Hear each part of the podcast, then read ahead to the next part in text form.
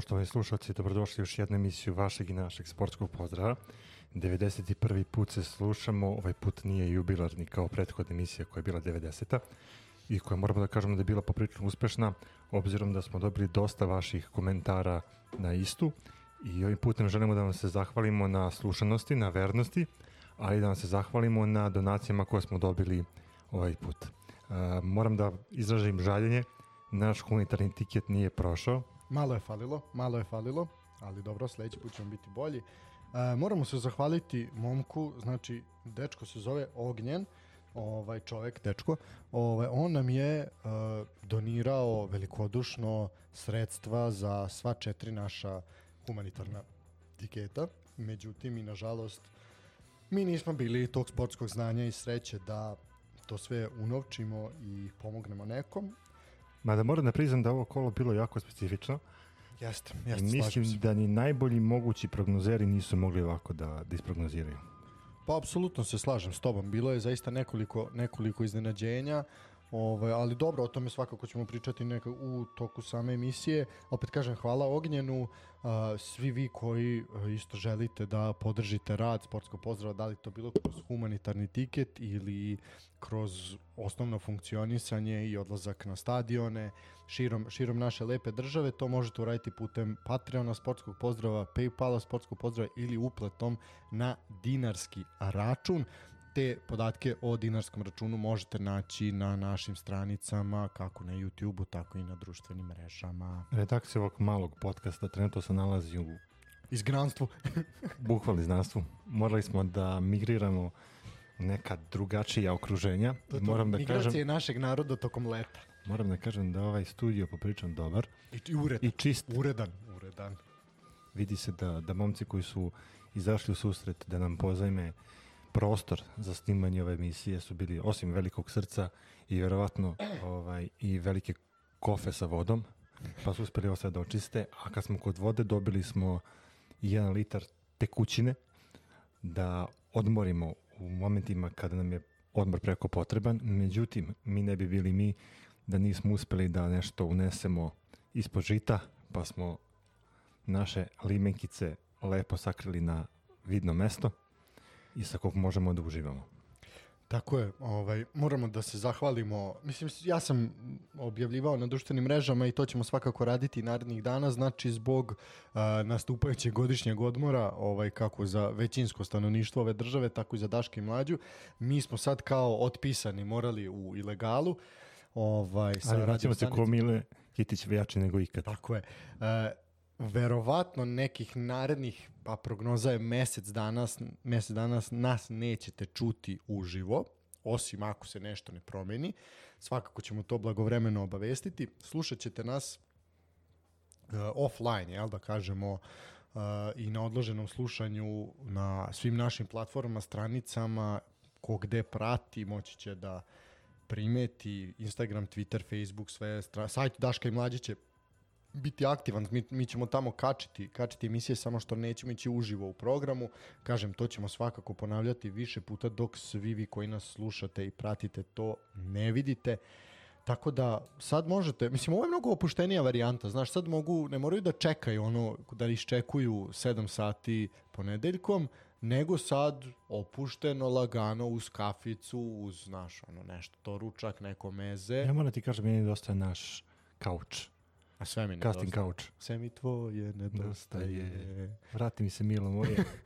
e pa, taj studio se neće Taj vratiti, studio se neće vratiti. ali možda se vrate neka druga sećanja davno zaboravljena. Da, 89 epizoda je snimljeno u tom studiju. Zapravo 88 Da, epizoda je snimljeno u 88. tom studiju. Jedna u studiju 021, jedan u mom bivšem stanu. I evo jedna sada ovde, prva od mnogih u a, domu jel, CK 13 koji nas je velikodično primio. Hvala momcima, hvala Đoletu, hvala Damiru, hvala svima ostalima koji su eto pronašli prostora da uklope i nas dvojicu, trojicu, četvoricu ili petoro ako se Tanja pridruži u narednih nekoliko nedelja. Klub malog futbala Novi Sad imao je prethodnih dana jako zanimljiv uvod. Uspeli su da naprave nešto što nije baš karakteristično za politiku dovođenja igrača, to je gepekovanje. E pa vi razmislite kako smo mi njih onda ubedili da nam daju prostor. Da, samo ću reći da će RFF, ovaj, naša Retos Futbol Federacija, jedva čeka da izađe na crtu klubu, futbala, klubu malog futbala Novi Sad, da vidimo ko je bolji. Pa očekuje se dosta poređenja. to, je, to je sigurno. Elem, dragi moj, ovaj, gde si ti bio prošle nedelje? Šta si radio? Malo uh, se zagremo. Znaš kako, mogu, mogu da ti kažem, opustimo, trema. nisam baš nešto ispratio za razliku tebe futbolska dešavanja, ali sam bio na uh, manifestaciji futbolskoj koja je za mene onako baš bila posebna, ali o tome ćemo da pričamo nešto kasnije. Uh, svakako krenuli smo sezonu i mogu da ti kažem, ja onako koketiram, znaš, malo sam na štrandu, malo sam na futbolskim stadionima, malo sam na nekim drugim objektima gradskim gde se ovaj lepo provodim. Ali tu sam na terenu, to je, to je bitno. Svakako, e, kad budemo došli do, do utakmice koju sam ja ispratio uživo, pričat ćemo o tome. Ono što hoću da kažem jeste da e, eto, imali smo tu čast da ispratimo to drugo kolo Super lige Da, znači bacamo se na posao. Pa bacamo se na posao. Da, ajmo da ovi ljudi mogu da idu kući, da nas ne čekaju ovde do ponoći. Uh, u suštini, mislim, ima o čemu da se priča. Uvijek ima o čemu da se Ima priča. uvek o čemu da Kad se je u pitanju naš futbal i naš sport, uvijek ima o čemu da se priča. Da, uh, ništa, uplovimo onda u nemirne vode srpskog futbala već u drugom kolu. Uh, još jedan put hvala Ognjenu, hvala svima koji pomažu rad, oni koji žele, čuli su, znaju kako, ovaj to će pročitati na našim stranicama, a mi krećemo sa duelom koji je izazvao možda i najviše bure tog prvog dana, u petak smo Pa imali... kad, kad smo sagledali celokupnu listu svih utakmica ovog kola, definitivno je to bio derbi, može se nazove derbi, Apsolutno. derbi utakmica. A, još u petak a, time je počelo ovo drugo kolo i gde baš u Nišu. Tako je. Radnički je na Čajeru dočekao Partizan. Ono što je svakako glavni neki utisak pre samog početka meča je zaista užasno stanje stadiona. I 8 dinara karta. To je posebna priča. Ovaj, E bi ti da, iskreno, da bi dao 8 dinara za, za utakmicu A do prvigaškog za ranga? koji sektor? Pa za, ne znam, isto zapada. Isto zapada. Pa vidi, mislim, kada ti u goste dolazi Partizan, onda mogu da očekujem da je 800 dinara. Pitanje je veliko koliko je kada dolazi neki drugi klub. Ali vredi da gledaš Partizan za 8 dinara. U Nišu, da. Partizan u Beogradu protiv Niša ne vredi 800 dinara. Razumeš? To je velika razlika. Njima je to jedna od dve ili tri utakmice koja će napuniti taj stadion. I stadion je bio poprilično ispunjen. Pa dobro jeste, ali opet gledaš tu činjenicu da se zna bogati sever, siromašni jug. Da. Zna se kako ljudi žive u, u južnom delu naše lepe zemlje i zna se kakvog su imovinskog statusa. Znaš, nekako mi je sad stvarno mnogo 8 dinara za jednu ovakvu utakmicu. Opet, e, Slažem se s tobom. Jeste, kad sa te strane pogledaš, jeste, ali... e, kao, kao bioskop je 500, pa onda možda dodaš 300 da gledaš Partizan. Pa opet Nišu. kažem, znaš, dolazi ti jedna od dve najveće ekipe u državi i prosto je za očekivati da karta bude takva. Možemo, meni je, meni je veći poraz, na primjer, kad je utakmica Partizan TSC, pa je 800 dinara karta na, u Beogradu. To, to mi je nepojmljivo. Ovo mogu da razumem, mislim, imali smo svoje vremeno, je Vojvodina stavljala i po hiljadu i nešto dinara je bio zapad protiv Partizana i Zvezde. Tako da, sve to, to je prilika kad se puni stadion, kad se uzima, uzima novac. Ali upravo to, znaš kao, ja sam gledao na, na tu stranu da možda mnogo bolje da privučeš ljude. Bar ja uvek tako gledam. Sa nekom pristojnom cenom ulaznica, da privučeš ljude da se što više proda tih ulaznica, a ne da digneš cenu da se nadaš da ćeš napraviti bum. Bum u srpskom futbalu mo, može da napravi samo Crvena zvezda kada igra Ligu šampiona ili eventualno Partizan kada igra neko takmičenje, da li to Liga Evrope ili Ali protiv nekog, da kažemo, Da, zvučnijeg, protivnika, zvučnijeg tako. protivnika. Jel? Ali to je ona priča od prošlog puta sa, gos- sa gospodinom Subotinom jel, iz Vojvodine, kojem se ovom puta zahvaljujemo na, na dolasku. Uh, nažalost, publika u Beogradu dolazi da gleda protivnika. protivnika. Tako je. Znači, ali publika u Nišu će doći da gleda ovaj radnički protiv Partizana. Ti ćeš imati i protiv Gzire će biti solidno popunjen stadion. Znači, i isto važi i za, i za sve druge klubove. Ono, mislim, ajde, sve to, sve to je neka priča, ali posebno osvrt na tu publiku bih ja o, bi napravio na utakmici između mladosti i Vojvodine. Tu je publika položila ispit. Jeste. Tu je publika. Ali o tome ćemo kasnije. Da, ajmo, ajmo se vratiti na Niš. Iznenađenje kola. A, boga mi dva su kandidata za iznenađenje kola. Ovo, ja baš i ne bih nazvao iznenađenjem kola, radnički je odigrao perfektnu utakmicu. Jeste, znaš kako, ali uh, imaš Partizan koji u prošloj sezoni je imao veliki broj pobeda u nizu, imaš Partizan koji je najavio borbu za titulu ove sezone i da Partizan kikne već u drugom kolu, niko nije to očekivao. Zato Vidim. kažem, ako po meni je možda Pa dobro, kick znaš, kola. Odnosno, iznenađenje, kako god. Ajde, diskutovat ćemo. Ovako, znači ukratko ćemo se ponoviti šta se dešavalo. Ovo je, mislim, na, ovo je najsadržajnija utakmica ovog, ovog kola, ujedno i naj, najefikasnija, ali najsadržajnija gde su zapravo, imali smo jednu sličnu, jel, Crvenu zvezdu i Kolubaru, ali tu ne možemo pričati o tome zato što je jedan tim napucavao drugi tim, onda su zaista oba tima i bilo je... Dinamika je bila Ne, dinamika je bila. da. Ovo je, vidi, da je više ovakvih utakmica, to je to.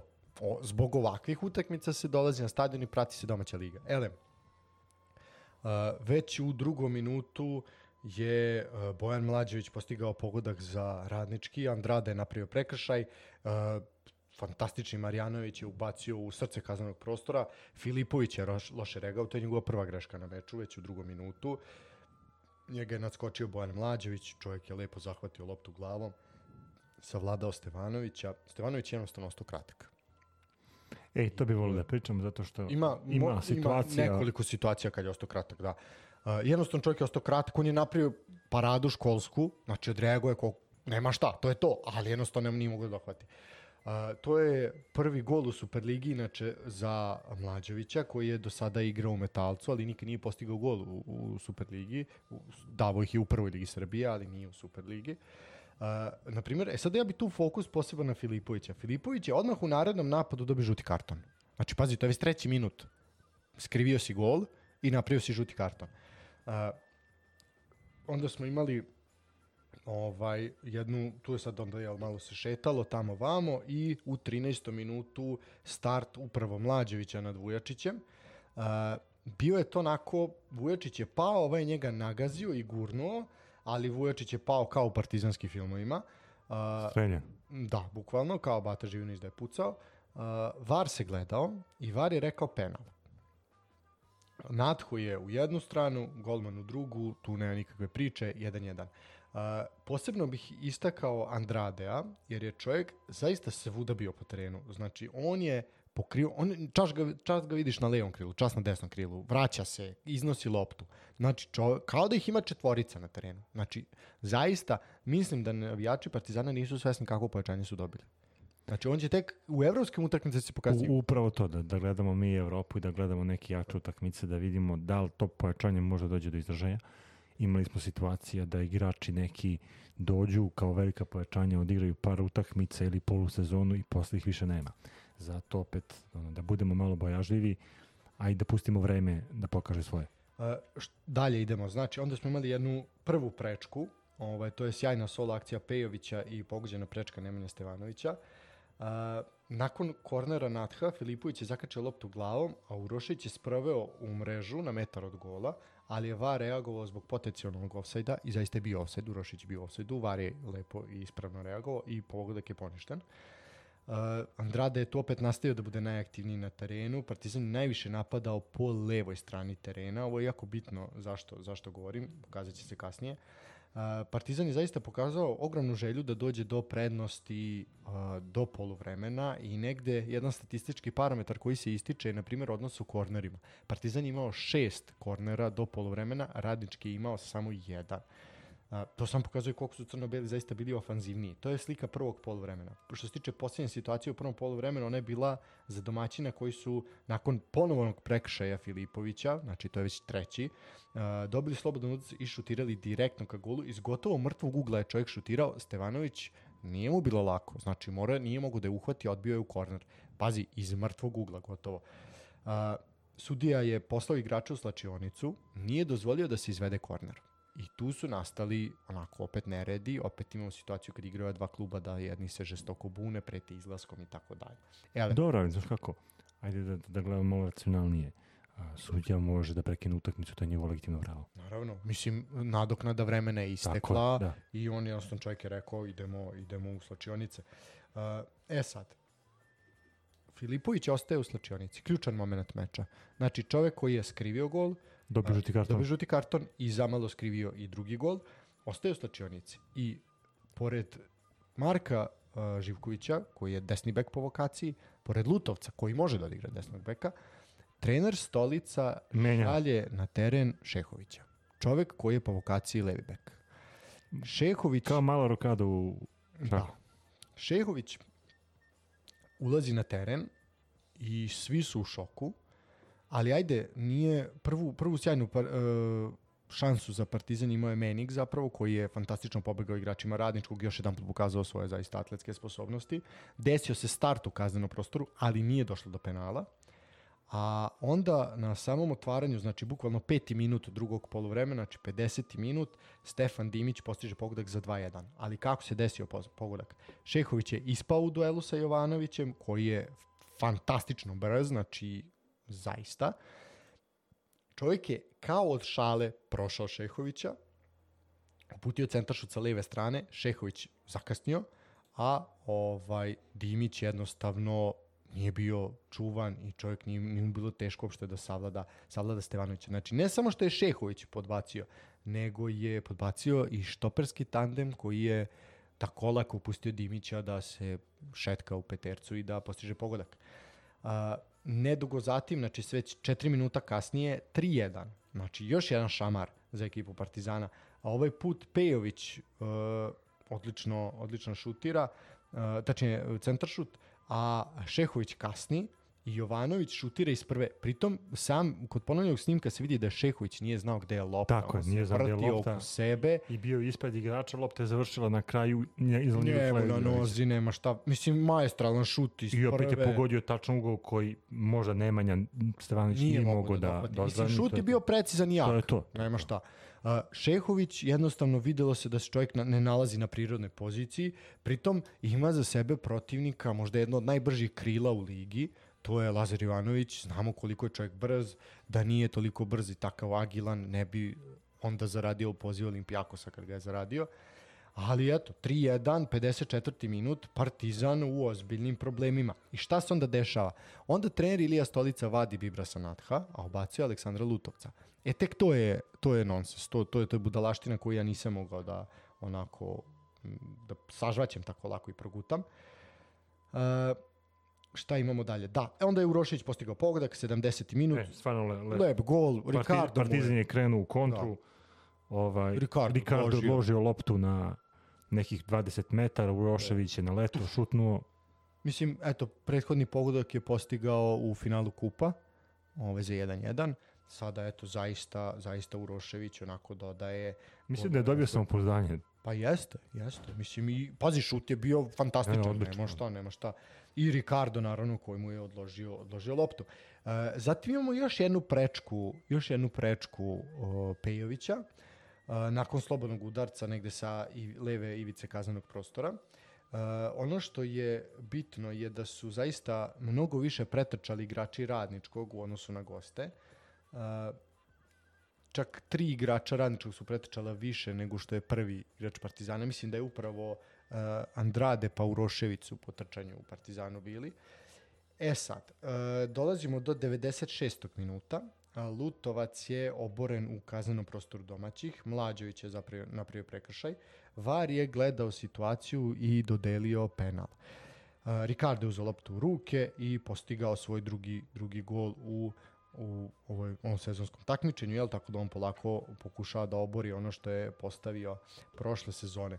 3-3, 96. minuta, sudija je nakon toga brzo pokazao put slačionice.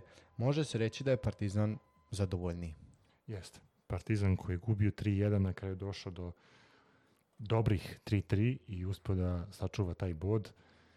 Um, ono što mene jako zanima u celoj ovoj situaciji, bilo je dosta gruba igra u drugom poluvremenu, jer imaš ti podatak koliko igrači Partizana su dobili žutih kartona ukupno na utakmici. Možemo to vrlo lako pori, u, proveriti. Ja mislim da je bila jedna situacija, ako se dobro sećam, ovaj, koja je onako baš bila za a, diskutovanje. A, sudje je podelio, Šest. Šest podelio žutih kartona. tri žuta kartona i to mi je ostalo u glavi. Mislim, Šest dva igrača. Partizana i jednom ovaj, igraču radničkog. Da, radnički pet. Znači to je onako što se toga što se toga tiče. E sad ono što je zanimljiva statistika, a to je broj udaraca ka golu. Znači imali smo a, 12 šuteva u okvir gola po šest jedne i druge ekipe, a eto, znači svaki drugi udarac ka golu je je završio iza leđa golmana, s tim da, eto, dva puta je zaista Stevanović ostao, ostao poprilično kratak i tu dolazi ona priča koju mnogi pričaju da on nema fizičke predispozicije da bude golman u nekoj ozbiljnijoj ligi, jer je zaista jedan od nižih. E, kad smo kod njega, a, radnički u par navrata udarcima sa strane i udarcima iz daljine pokušavao da postigne pogodak. Možda je to upravo navodilo na ovu činjenicu koju si ti naveo, a to je da golman koji je niži rastom um, ima manje šanse da odbrani uh, tako jak šut ili šut koji Pa dolazi. vrlo pametna selekcija šuta je bila. Vrlo pametna Da, da, da. selekcija šuta. Jer radnički imao dve prečke, ako se dobro Ko je- sećam. Ko je obe Pejovića. Da. Tako da su Bio je- pokušavali. Bio je jedan udarac koji je otišao tik iznad prečka. Da. Pa vidi, vrlo pametna selekcija šuta, ali i to je deo taktičke pripreme utakmice, razumeš? Znači, ne može ti biti taktičko rešenje da staviš uh, beka koji ne igra na svojoj prirodnoj poziciji, pritom koji je sporiji od krila kog čuva, znaš, razorno krilo koje treba sačuvati, ti staviš čoveka koji nije nije na toj prirodnoj poziciji normalno da će ga prelaziti kao od šale. Mislim, to, to je bilo za očekivati. Prosto, čak i like kakav sam ja, to ne bi uradio. I onda imate konferencije, tačnije izjave na samom terenu i Ilije Stolice i Tomislava Sivića, uh, ali ajde, prvo ćemo Iliju Stolicu koji je čovjek rekao na vrlo zanimljiva pitanja gospodina sa novinara sa arene, što moram da pohvalim, obično to budu one gluposti i vaš utisak posle meča i kako se osjećate, kako može se osjeća, mislim, ono, osjeća se na znoj. Ovaj, Elem, pitao ga je da li mislite da je taktička greška bila sta, uvođenje Šehovića pored Živkovića i Lutovca, gde je Ilija Stolica onako poprilično besno odreagovao i rekao, pa ja ne bih o tome sada da diskutujem. Pa izvini, gospodine kad? Stolica, kad ćeš diskutovati? Znači već uh, narednih put to niko neće zanimati, već se zaboraviti, ali ti možeš da odgovoriš na pitanje novinara. Ne može na tri pitanja koja su dva i po škakljiva i koja, ne samo, nisu to škakljiva pitanja, nije on bio bezobrazan. On je nego samo postavio tražio- racionalno pitanje. To je ozbilj, to je vrlo dobro pitanje. Obično kažem budu gluposti. Ovo je jedno ozbiljno pitanje. Objasnite nam šta se desilo. Kako ste došli do te ideje da stavite čovjeka? Znači, meni se sviđa takav način sportskog novinarstva, jer ajde da se pravdate malo kad pogrešite. Znači, ne odmah da ide, pa ja nemam komentar. Pa ne možeš da nemaš komentar, moraš da objasniš. Pogledajte, najbolji primjer iz regiona e, za to je Zlatko Dalić. Zlatko Dalić se pravda, znači bukvalno dolazi do toga da pravda se novinarima zašto je nekog pozvao i zašto igra u ovoj formaciji ili u onoj formaciji. Jer ga novinari rešetaju. I sad vi kad najđete na prvo ozbiljno novinarsko pitanje, vi kažete, ja neću o tome da diskutujem. Pa izvini, ali du, dužan si, bar, makar prema navijačima svog kluba, ako ne prema sportskoj javnosti. Ja bih te isto još da, da, da malo diskutujemo kad je pitanju Partizan o a, napadaču. A, očigledno da ova postavka formacije na terenu ukazuje na jednu drugu činjenicu, a to je da Ricardo više nije glavni igrač Partizana. Bar meni tako to izgleda. Mislim da Partizan sa Andradeom na jednoj strani, sa Menigom na drugoj, a, sa tim trijom koji u sredini terena a, skroz drugačije igra igru od, u odnosu na prošlu godinu i na taktiku koju je Aleksandar Stanović gurao. A, ta Apsolutno. taktika koju je Aleksandar Stanović gurao oslanjala se na, na to da, da Ricardo bude gađan loptama. Sada vidimo da Ricardo dolazi u situaciju da na nekih 16-20 metara odlaže loptu, znači on je dalji od uh, gola. I to me nekako pokazuje da mislim da se možda on trenutno ne snalazi u ovoj formaciji. Možda je potrebno vreme i pitanje je kako će Partizan dalje da ga koristi. To ono, znači ono što sam ja uspio da, da, da primetim sad, ne znam ovaj, kako je tvoje viđenje a, svega ovoga. Pa mislim, znaš, ako bi gledao kroz brojke i kroz statistiku, čovjek je dao prva dva kola dva gola. Jeste, ali opet penala. Pa mislim, da, statistika je kao bikini, otkriva sve i ne pokazuje ništa. Znači, kad Znaš, ja, ja pogledaš- njega pratim i pratim njegovu liniju kretanja. Da. I meni se čini da je on mnogo dalji od gola, a obzirom da nije taj kalibar da može da dobije loptu nekih 20 metara i da krene sam u solo prodor i da dva, tri igrača lako otkači od sebe i da postigne. Mislim da uh, ova postavka koju gura Ilija Stolica ne odgovara baš njemu. I da će on tu morati da, da kompenzuje nekako svoje neko uh, igranje i da će morati sebe da žrtvuje za tim. Tako da ne verujem da ćemo baš ovaj videti Ricarda Sa kao 30 golova. Upravo to, da. da. Da, pa vrlo moguće, znaš, ali prvo meni se ne sviđa ideja da uh, ti je najjače oružje jedan špic. Znači, to, ta, ta ideja takvog futbala, po meni, meni se ona jako ne sviđa. Meni se više sviđa da imaš četiri opasna igrača, pa nek se sva četiri žrtvuju ono, mrvicu za tim, pa ali su sva četiri onda su četiri opasne, ali napadaju prostor u širinu, razumeš? Ako imaš samo jednog, šta se, de... mislim, ok, priča se o Ricardu kao velikom špicu, na svakoj utakmici gde je udvojen od strane dva igrača, on se nije vidio. Upravo to, to, to mi pričam. Znaš. Znaš, on može da pokazuje protiv malih klub, mislim, uslovno rečeno malih klubova, na malim utakmicama gde ne mogu da ga stignu. Najbolji primjer za to je upravo sledeća utakmica. Ovaj, gde je jednostavno fizički si dominantniji pa u redu. Dođe Dragović i, i Eraković, po toga Eraković polu, mislim, ono, polovina ozbiljnog štopera, či, ali, ali dovoljno da te udvoji, dovoljno da imaš još jedno telo na sebi. I te, dodir leđa o leđa. I šta će biti? Nemate dečko, u džepu si. A, da, hoćeš izjavu Sivića Hoću za penale, da. O, Obzirom da je njegova izjava prošle nedelje bila onako baš uh, upečatljiva. Pa i ove je bila, on je... I, i otišla je na osudu uh, navijača radničkog. Dosta su ga osuđivali misleći da je on došao na stadion Rajko Mitić, ono, da se tako izrazim, spusnuti turistički, Pa da. turistički, da. Pa vidi, ako se uzme obzir da je sa pazarom koliko primio 9 komada, pa se onda s ovima, ja ne kažem, taj penal, kad ti neko svira penal u drugom minutu i onda primiš još 3 gola za 10 minuta, pa mislim normalno da je gotovo, nema šta protiv ekipe kao što je Crvena zvezda. Ovde su penali, makar prvi penal je, po meni je prvi penal diskutabilniji nego drugi. Prvi penal je po meni ozbiljno diskutabilan. Jer, ali to je Vujačić kriv. Način na koji je Vujačić pao je doprineo do toga, jer nije pao kako treba, da je pao pametnije, ne bi niko rekao ništa. A padaš sa onako rukama podignutim, odmah je sumnjivo. Kontakt jeste postojao, ali deluje da je intenzitet kontakta zbog načina kako je Vujačić pao slab. Drugi penal po meni je čist. Možda ja grešim, volao bih da je Lukica da tu, da kaže. Po meni je drugi penal čistiji nego prvi. To je moje lično mišljenje sad, možda ja i grešim, ali tako je meni delovalo kao neko ko je gledao preko TV-a ovaj, utakmicu. Sivić, aj da, kad smo kod izjave Sivića, čovjek je izjavio da su smešni penali svirani i da mu je bukvalno oduzeta pobeda, da je pitanje da li bi se takvi penali svirali uh, radničkom, to je ona sa standardna priča, znaš, što nama ne svirati takve penale.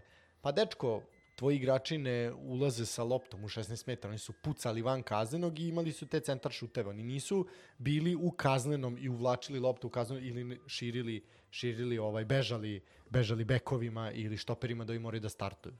Tako da, znaš, ipak je do postavke igra, ali to je zapaljiva izjava za medije i za navijače koji ne posmatraju utakmicu na takav način i onda, znaš, imaš, o, nas kradu, nas kradu. Kažem, jedan penal diskutabilan, drugi pitanje.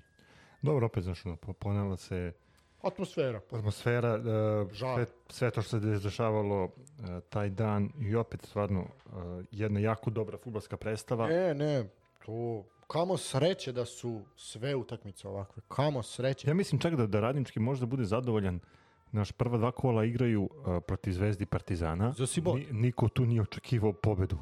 Ali uzeo si jedan bod. jedan bod. Ali dečko, sad si miran 14 kola narednih dok se ne susretneš opet sa njima. E, to je ono što je poenta.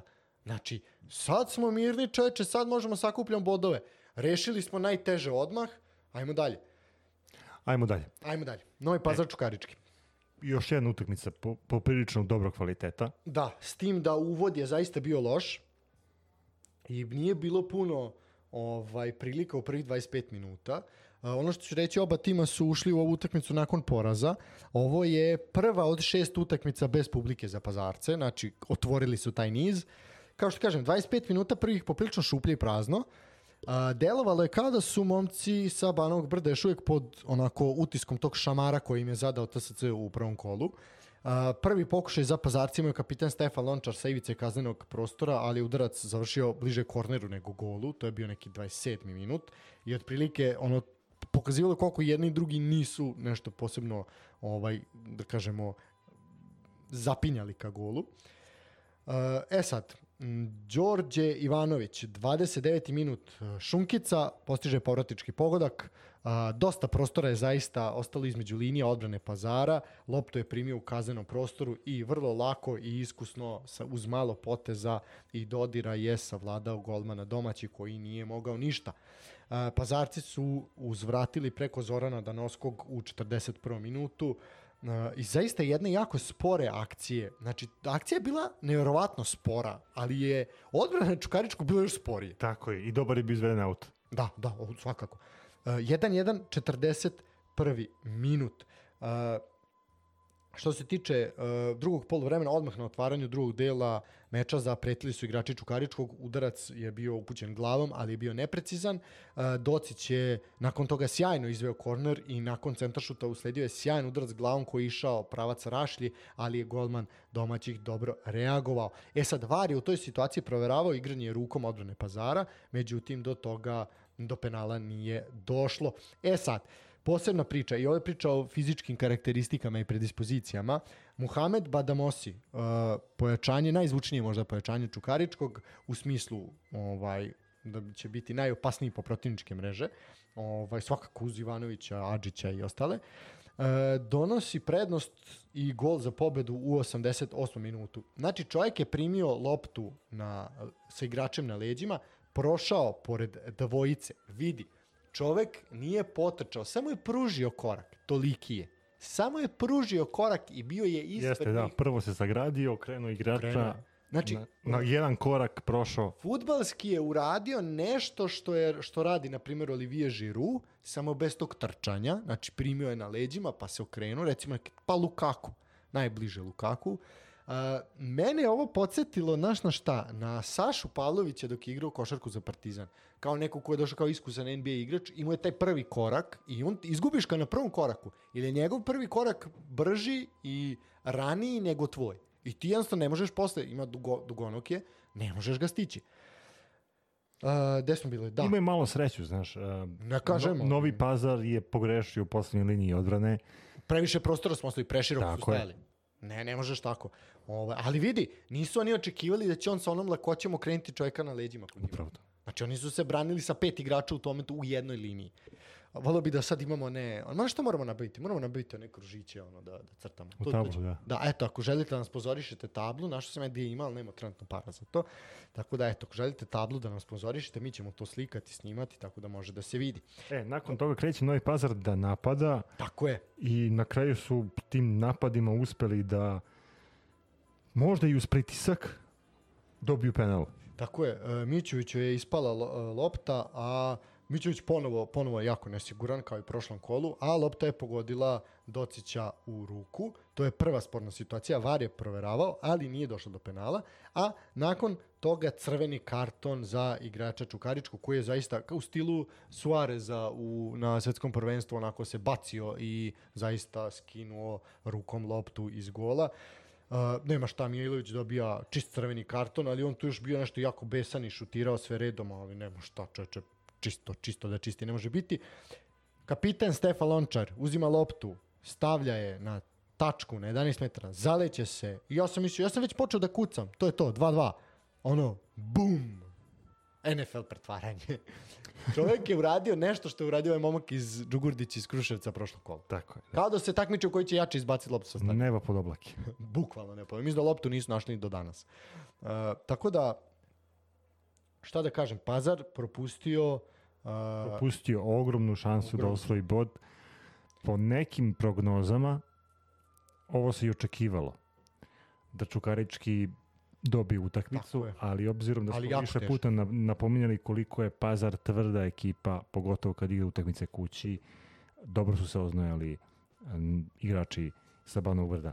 A, takođe, eto i taj penal je mogo na kraju da, da presudi, ali promašaj i na kraju sva tri boda odlaze na Banobrdo. Tako je. E, kažem, mnogo teže nego što se očekivalo, ali Čukarički onako pokazuje da ima ozbiljnih, ozbiljnih problema u igri i da se to još sve nisu kockice složile, ali eto prilike protiv ovih, šta su Luksen, Luksemburžani, šta smo rekli? Ovaj, da, a, Racing Union. Racing Union, znači eto prilike da Čukarički tu još jednu da kažemo, takmičarsku utakmicu gde su izraziti favoriti koju moraju da reše. Moment utakmice svakako Mohamed Badamosi, čovjek ušao u 65. minutu igre, 87. postigao, 88. postigao gol za zaista veliku pobedu. Momak rodom iz Gambije, izuzetnih fizičkih predispozicija i onako bit će poseban fokus na njega u ovoj sezoni da vidimo koliko će biti ozbiljan šraf u ekipi sa Banovog brda. E, ja bih išao još u Suboticu i onda bih išao na jednu pesmicu. Spartak Radnik. E, Spartak Radnik 2-0 je tu bilo. E, Radnik, boga mi u problemu. Uh, Luka Bjelović je ponovo strelac, čovjek je uzeo broj 10 i postiže i drugi pogodak. Uh, tri brza dodavanja, onako sve iz prve, sa malo dodira, lako su se ušetali golubovi, od jedan trougao su napravili i ušetali su peterac i Luka nije imao puno problema da postigne pogodak.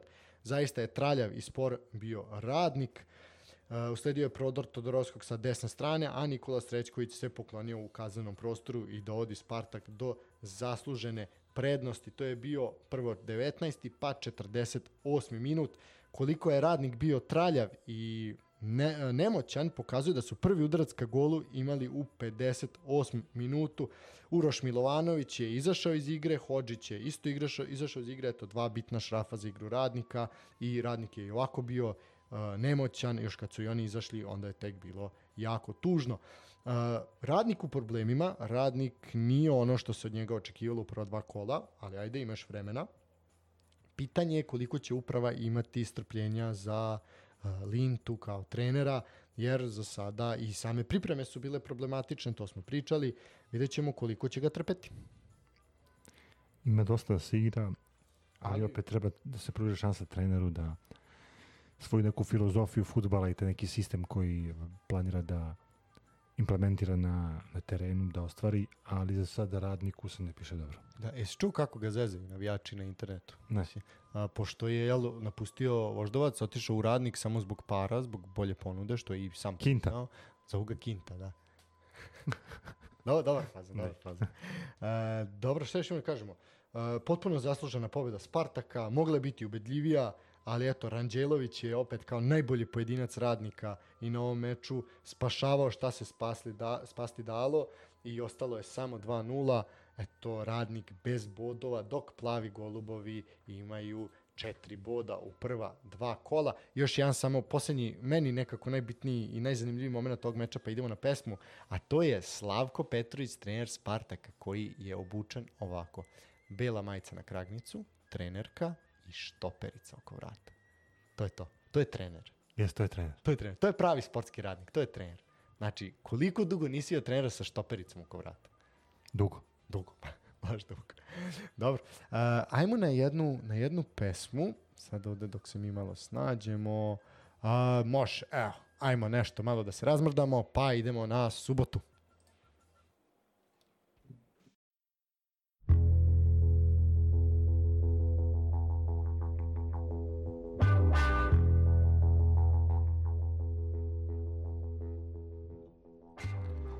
Evo nas ponovo nakon male muzičke pauze.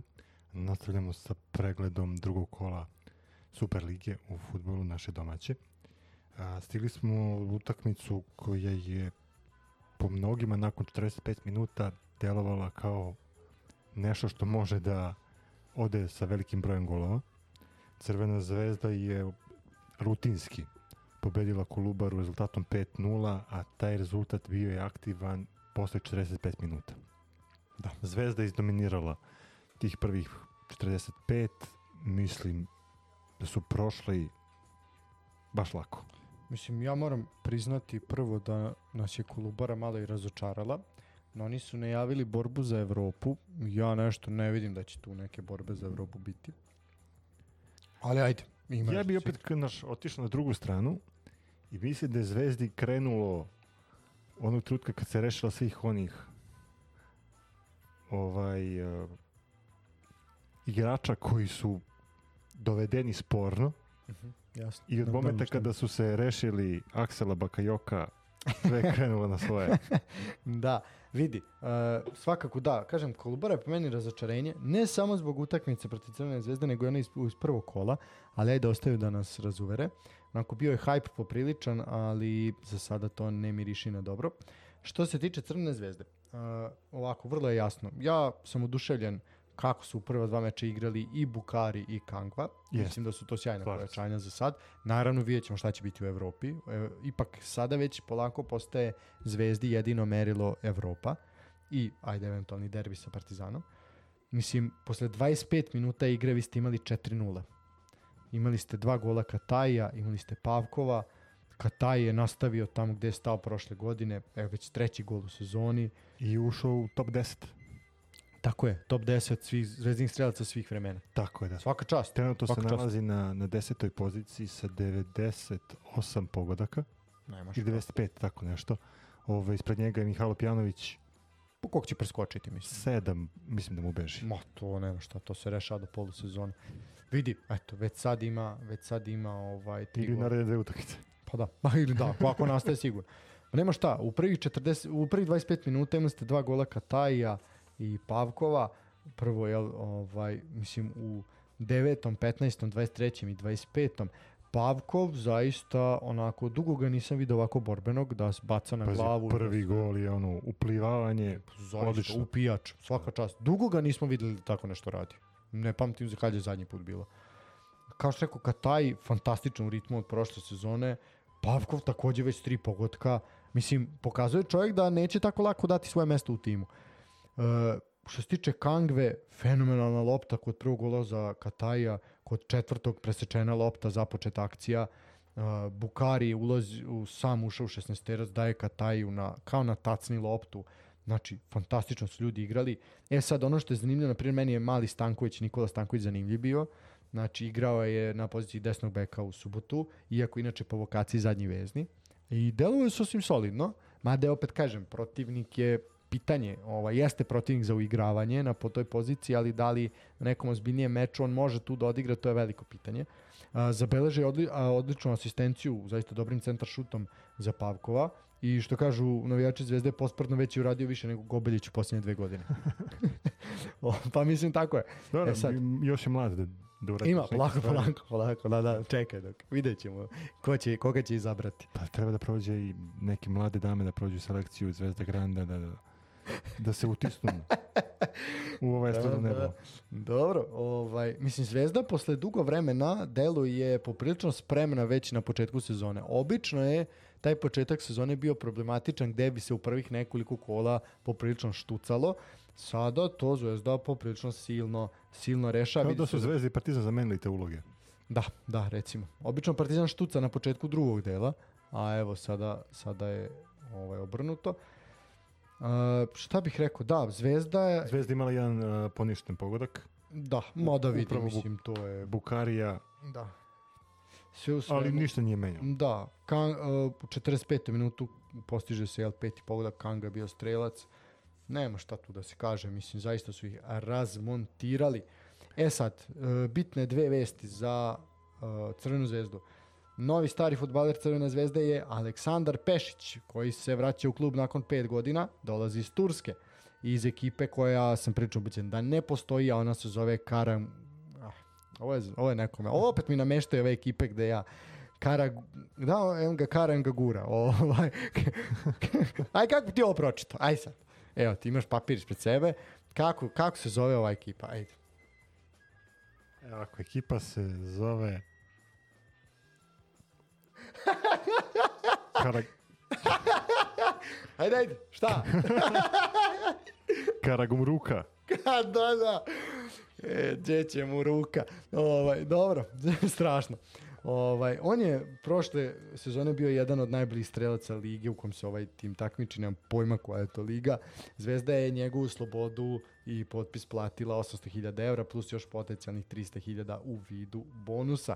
Vraća se u klub koji je u prvom mandatu na 51 utakmici zabeležio 29 golova i 21 asistenciju. Kad smo još kod transfera, evo danas se desio još jedan transfer iz Radničkog u Crvenu zvezdu došao je Stefan Mitrović. I mislim da je to fantastično pojačanje za zvezdu. Zvezda ga je dovela za pola miliona.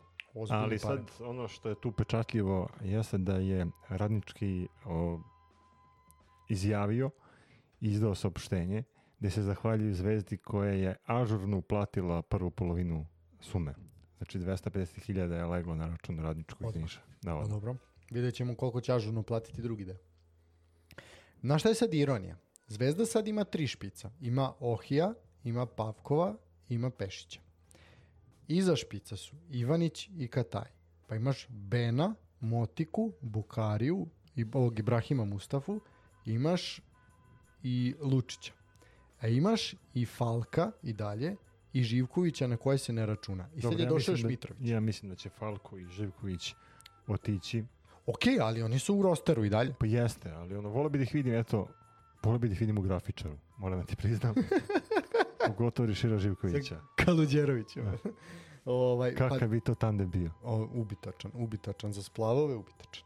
Uh, elem, vidi, znači, i sad dovodiš Mitrovića, ono, ok, kao, treba ti roster, ali on će odraditi to, tu minutažu koju ti njega ubaciš, ali mislim da to nije dobro za njega kao mladog igrača za razvoj. Mislim da je to potpuno pogrešan potez. Jer, znaš, pored ovo, ovakvih imena i ovakvih ljudi koji imaju zacementirano mesto u postavi, ti se nećeš mnogo ne igrati. Upravo to, upravo to se slažem s tobom. Znaš, mislim, to je... Mali, mali nastup u uh, nacionalnim selekcijama do 20 i do 21 godine, Da.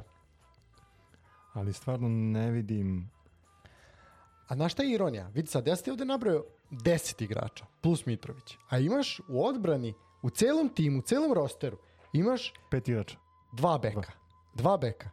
Znači, Rodić koji godinama nema zamenu i Gobeljić.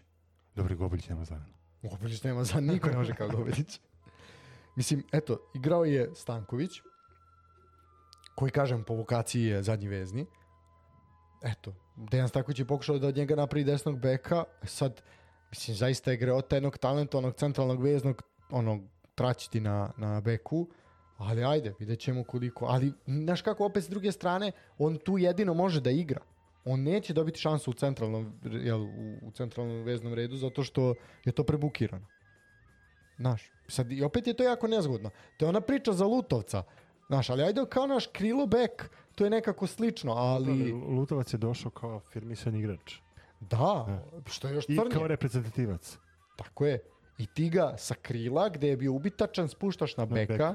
Kog je on čak u nekim momentima poprično dobro i odigrao, a ovde ti sad menjaš jednog mladog igrača, ali na, na poziciju koja ni, ni približno slična nije.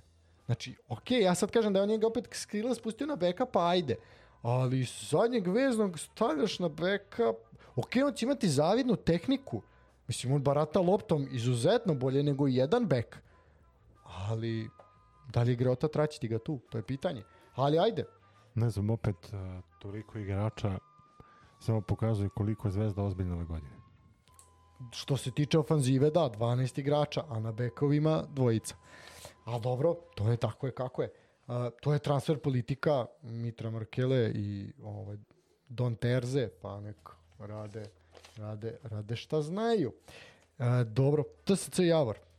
I ovo, A, e, ovo je sad, ovo je meni možda iznenađenje. Uvek ima jedna utakmica koja ti onako baš teško padne. Ova je možda i najteže pala. Meni je ova baš teško pala i osim uh, činjenice da se Banjac svečano prostio od TSC-a i da je uradio taj humani gest koji je stvarno za uh, jedno veliko poštovanje da je kao, prv, kao najbolji igrač prvog kola sumu koju je dobio od uh, zadnjih superligaša i od Motorsporta usmerio na lečenje uh, malog dečaka iz Indije.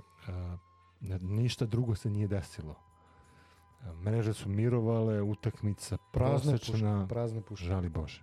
Pa Mislim, aj bilo je nekoliko dobrih šansi s obe strane, ali podelom bodova definitivno je zadovoljniji Javor. Naravno priča, oni skupljaju bodove da opstanu u ligi, to je jasan cilj, a pred ekipom Žarka Lazetića su sada dva teška gostovanja, idu prvo Partizanu u subotu, a onda idu u Niš radničkom. Znači dva ozbiljna gostovanja. E, Javor će ugostiti Novi Pazar, ovaj, to, to će biti onako jedan borbe, borba dve ekipe koji se onako grčevito se već sad bore za opstanak. Uh, da, Mihajlo Banac se oprostio od kluba, nažalost nije pobedom. Uh, jednostavno upravo je možda i falio Banjac da podeli koju loptu ili uputi neki onako ozbiljan, ozbiljan udarac. Ja mislim da će njegov nedostatak biti, Biti ozbiljan problem. minus za ekipu TSC. Ti moraš naći takvu desetku. To je jako teško. Pritom, e, igra TSC se mnogo zasnivala na njemu. Kad njemu nije bio dan, to je ozbiljan problem. Kad završi u kafani. Pa da, mislim, znalo se šta, Da, šta se radi. se, znalo se. Nema tu priče nikakve. Takav sistem futbala koji koncipira Žarko Lazetić u TSC-u izuzetno se oslanjao na, na banjca. I sad je to problem. Znači, treba naći desetku brzo, jer bodovi se gube. A, što se tiče transfera, istorijski transfer za TSC, 2,5 miliona eura. Ozbiljna priča. Ozbiljna priča, računajući sve bonuse, mislim, a doveli su ga za 300.000 iz Indije. Pa ti pazi koja je to zarada. Znači, ali vidi, to je ono što je ideja TSC. Znači, na takav način afirmisanje mladih igrača i onda, onda unosan transfer. Rekli smo, otišao je put Rusije, otišao je u Krasnodar.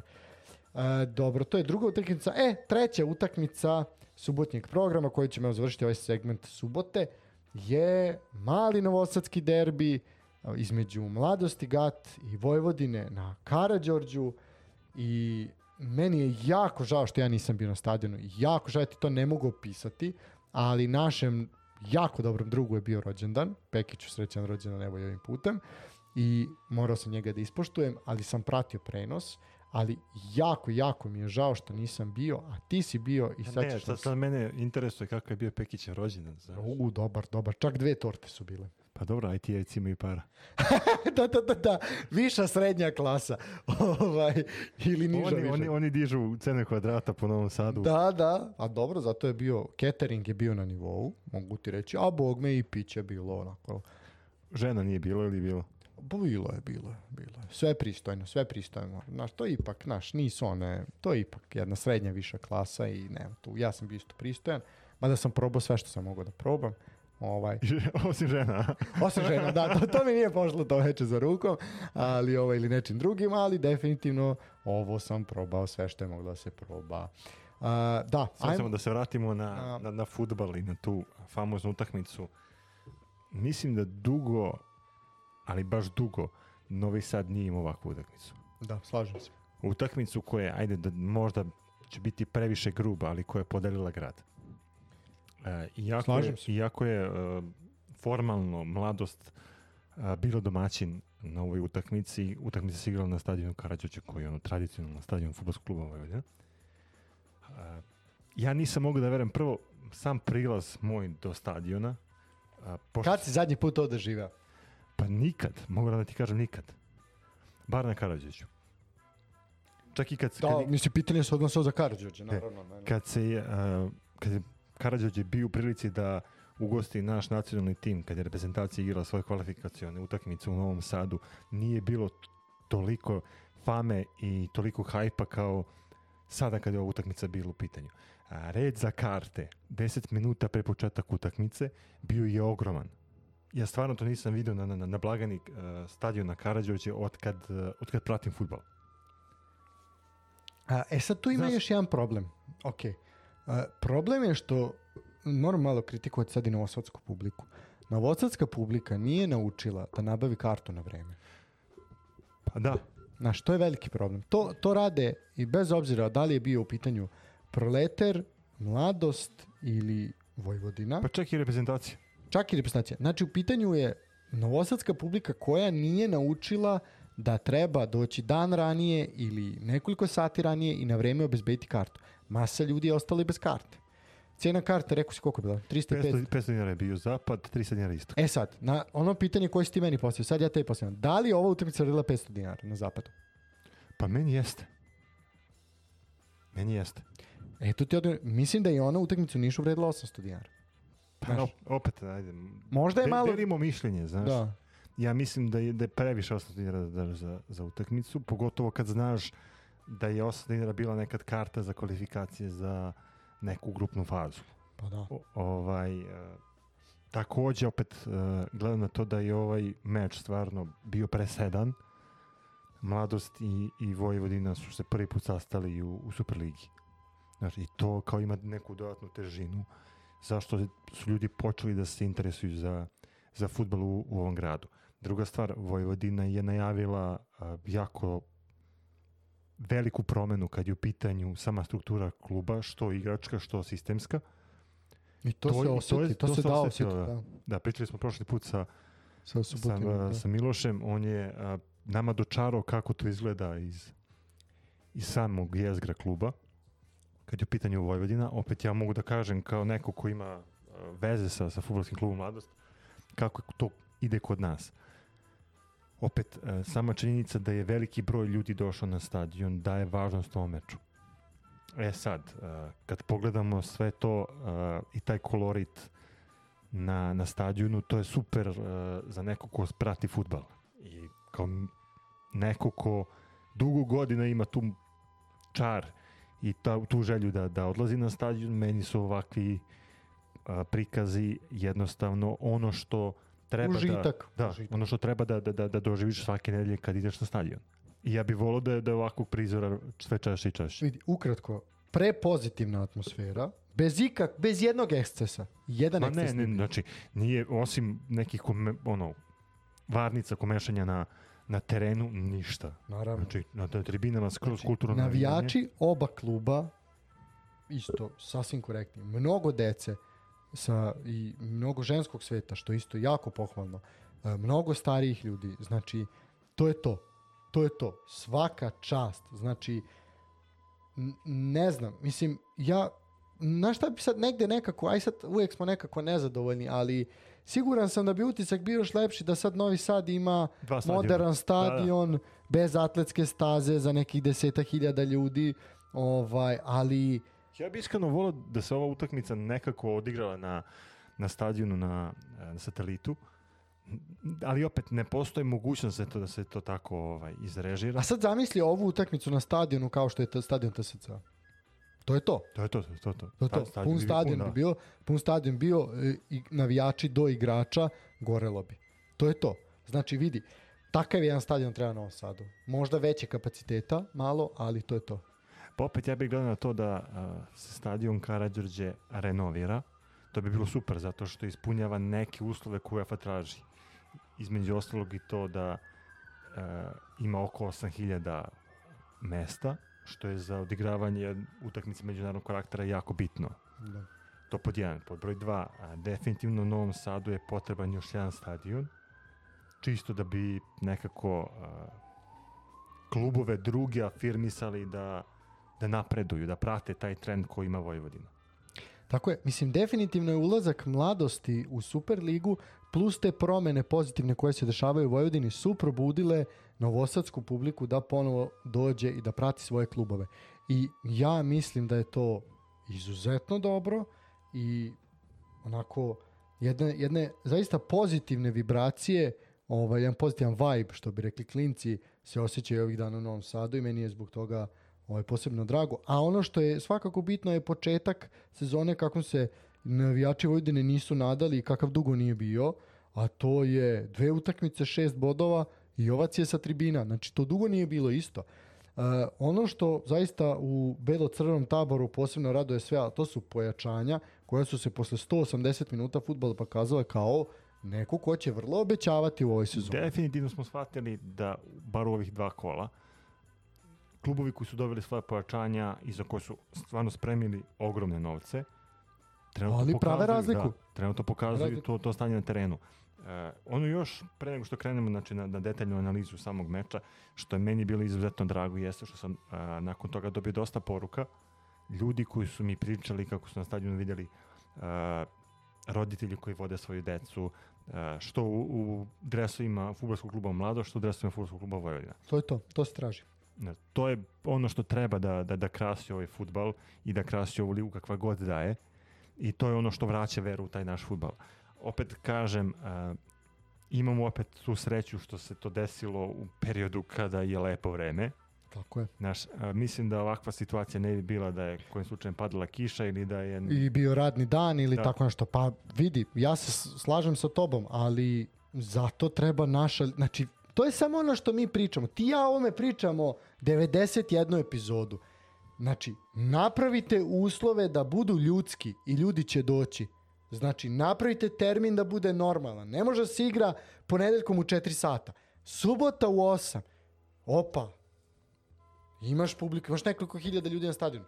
Mislim, zaista nema šta. Mislim, ali ajmo, ajmo malo analizirati sami meč. Uh, centralna figura meča Veljko Simić. Jeste. Apsolutno, čovjek koji je asistirao za prvi gol, a svojim pogodkom stavio tačku na sam meč, zaista je čovjek onako, eto, nakon i prošlog kola gde je bio strelac i ovde je bio zaista, zaista zapažen, ali čovjek, momak koji je digo Karadžađe na noge je Iv Baraj, Novajlija koji je stigo iz Portugala, zaista prelep gol na startu drugog polovremena i mislim da je tu bilo kakva neizvesnost Otklonjeno. definitivno. otklonjena. Mladost imala tu nesreću da pred kraj prvog polovremena primi, Tako je, u primi 42. pogodak. minutu 42. Milosavljević. Posle toga su otišli na odmor, kada su se vratili odmah u prvom, drugom minutu Odmah Baraj su primili gol iz I slobodnog to udarca. kakav pogodak. Stvarno, mislim, Možda je i gol kola. po meni jeste gol kola. Bilo je nekoliko lepih, ali mislim da je ovo. Definitivno mislim da je ovo gol kola. Posle toga jednostavno mladost nije imala A- snagu da se da se vrati u meč, psihički su pali, e, osetilo se to i, na terenu, osetilo se i na klupi. E, nekako su tihnuli u tom momentu, igrači Vojvodine su dobili dodatan motiv da krenu dalje da melju i na kraju sa još dva gola Nikolić, mladost. Nikolić u 59. i kao što smo rekli Simić u 86. E, Jednostavno, Nik, Nikolić, eto, kao veliko pojačanje Vojvodine, čovjek koji je legenda Spartaka, koji je bio je kratko vreme u Partizanu i koji je sada glavni napadač uh, Vojvodine, pokazuje da za relativno malo vremena može da, da, da napravi ozbiljnu razliku. tako je. To je ono o čemu smo pričali. Dajte mu prostora i on će, on će pokazati šta zna. Uh, Milosaljević je postigao prvi pogodak, to treba istaknuti. Ovaj, Nikolić je jel, bio strelac u 59. Veljko Simić u 86.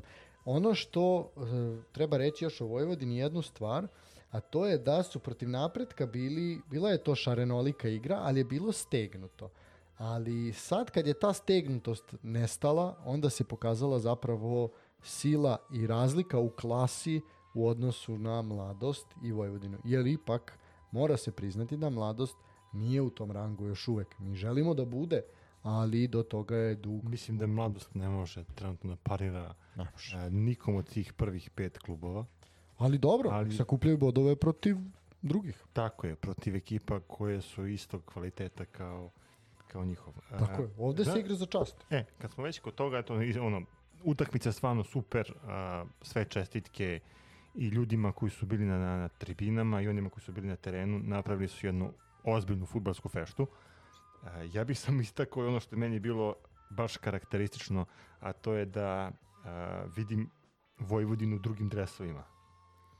A, Vojvodina imala neke sivo-zelene dresove, Ovaj, mislim da do sad nikad ih nisam vidio u ovim kombinacijama. Imali su ranije nešto a, Su tirkizno plavo, da, pa da. su imali čak jednu kombinaciju koja je vukla malo na, na, na, na roze, pa su imali one To se god- ispralo, to se ispralo. da.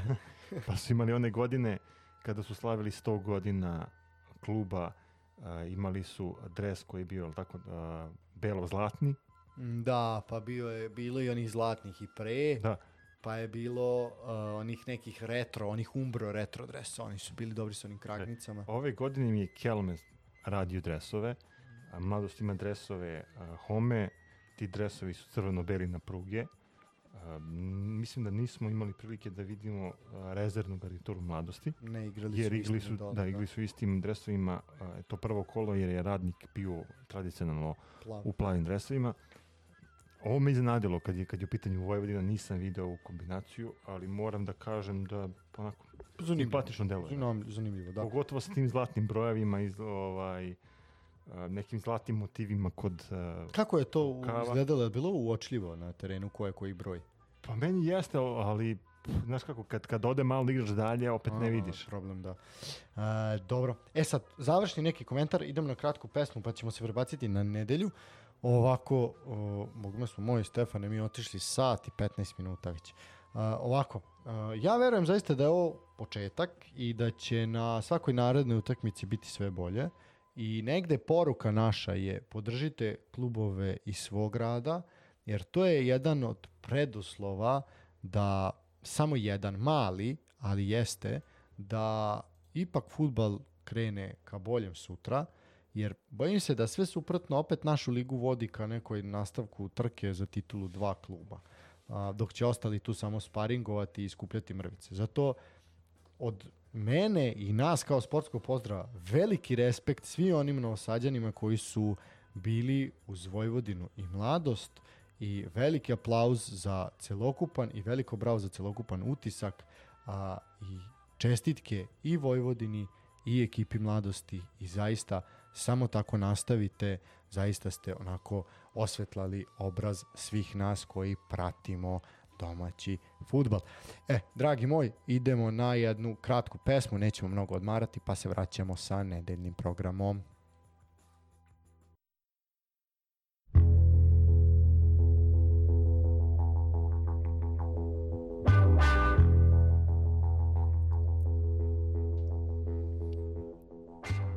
Evo nas ponovo u programu. Stali smo kod nedeljnog pregleda drugog kola Superligi i utakmicu u Krakovcu između radničkog 1923 eh, i mladosti iz Lučana. Tako je. Utakmica koja je završena rezultatom 1-0, Kragujevčani su ostvarili pobedu prvu ove sezone, ali moram da priznam da su dobro igrali. Utakmica sama po sebi onako možda Posle TSC Javore je jedna od loših. Jeste, jedna od loših. Uh, pritom igrala se u nekom dnevnom terminu. Da, to je zapravo prva utakmica ove sezone koja se igrala drugom terminu da nije od 8 časova, 20 časova. I to me poprilično onako iznenadilo, ali mi je jasno zašto i to je ne problem o kom počinjemo da pričamo sad već, to je problem termina jer su ovaj vikend već počele, počele druge lige, za sada su to samo ove regionalne, ali imat ćemo problem uskoro, počinju i ove glavne, na kojima će svakako arena bazirati svoje, svoje prenose kao primarne. Uh, Elem, uh, posle dosta godina, uh, ovaj, eto, prošle sezone ova dva tima su se susrela uh, tri puta, znači dugo to nisu radili, što u ligaškom delu, što u play-outu Super lige. Bilans je bio jedna pobeda radničkog, jedna nerešen, jedna pobeda mladosti iz Lučana. Uz napomenu da su sve pobede ostvarivali na gostujućim terenima. Evo si sad teoretičari zavere da iskoriste. Znači, kadači bilo je 2-1 za Lučance, na primer, prošli put. E, od 15 utakmica u prva dva kola nove sezone Superlige Srbije, ovo je bila jedna od lošijih.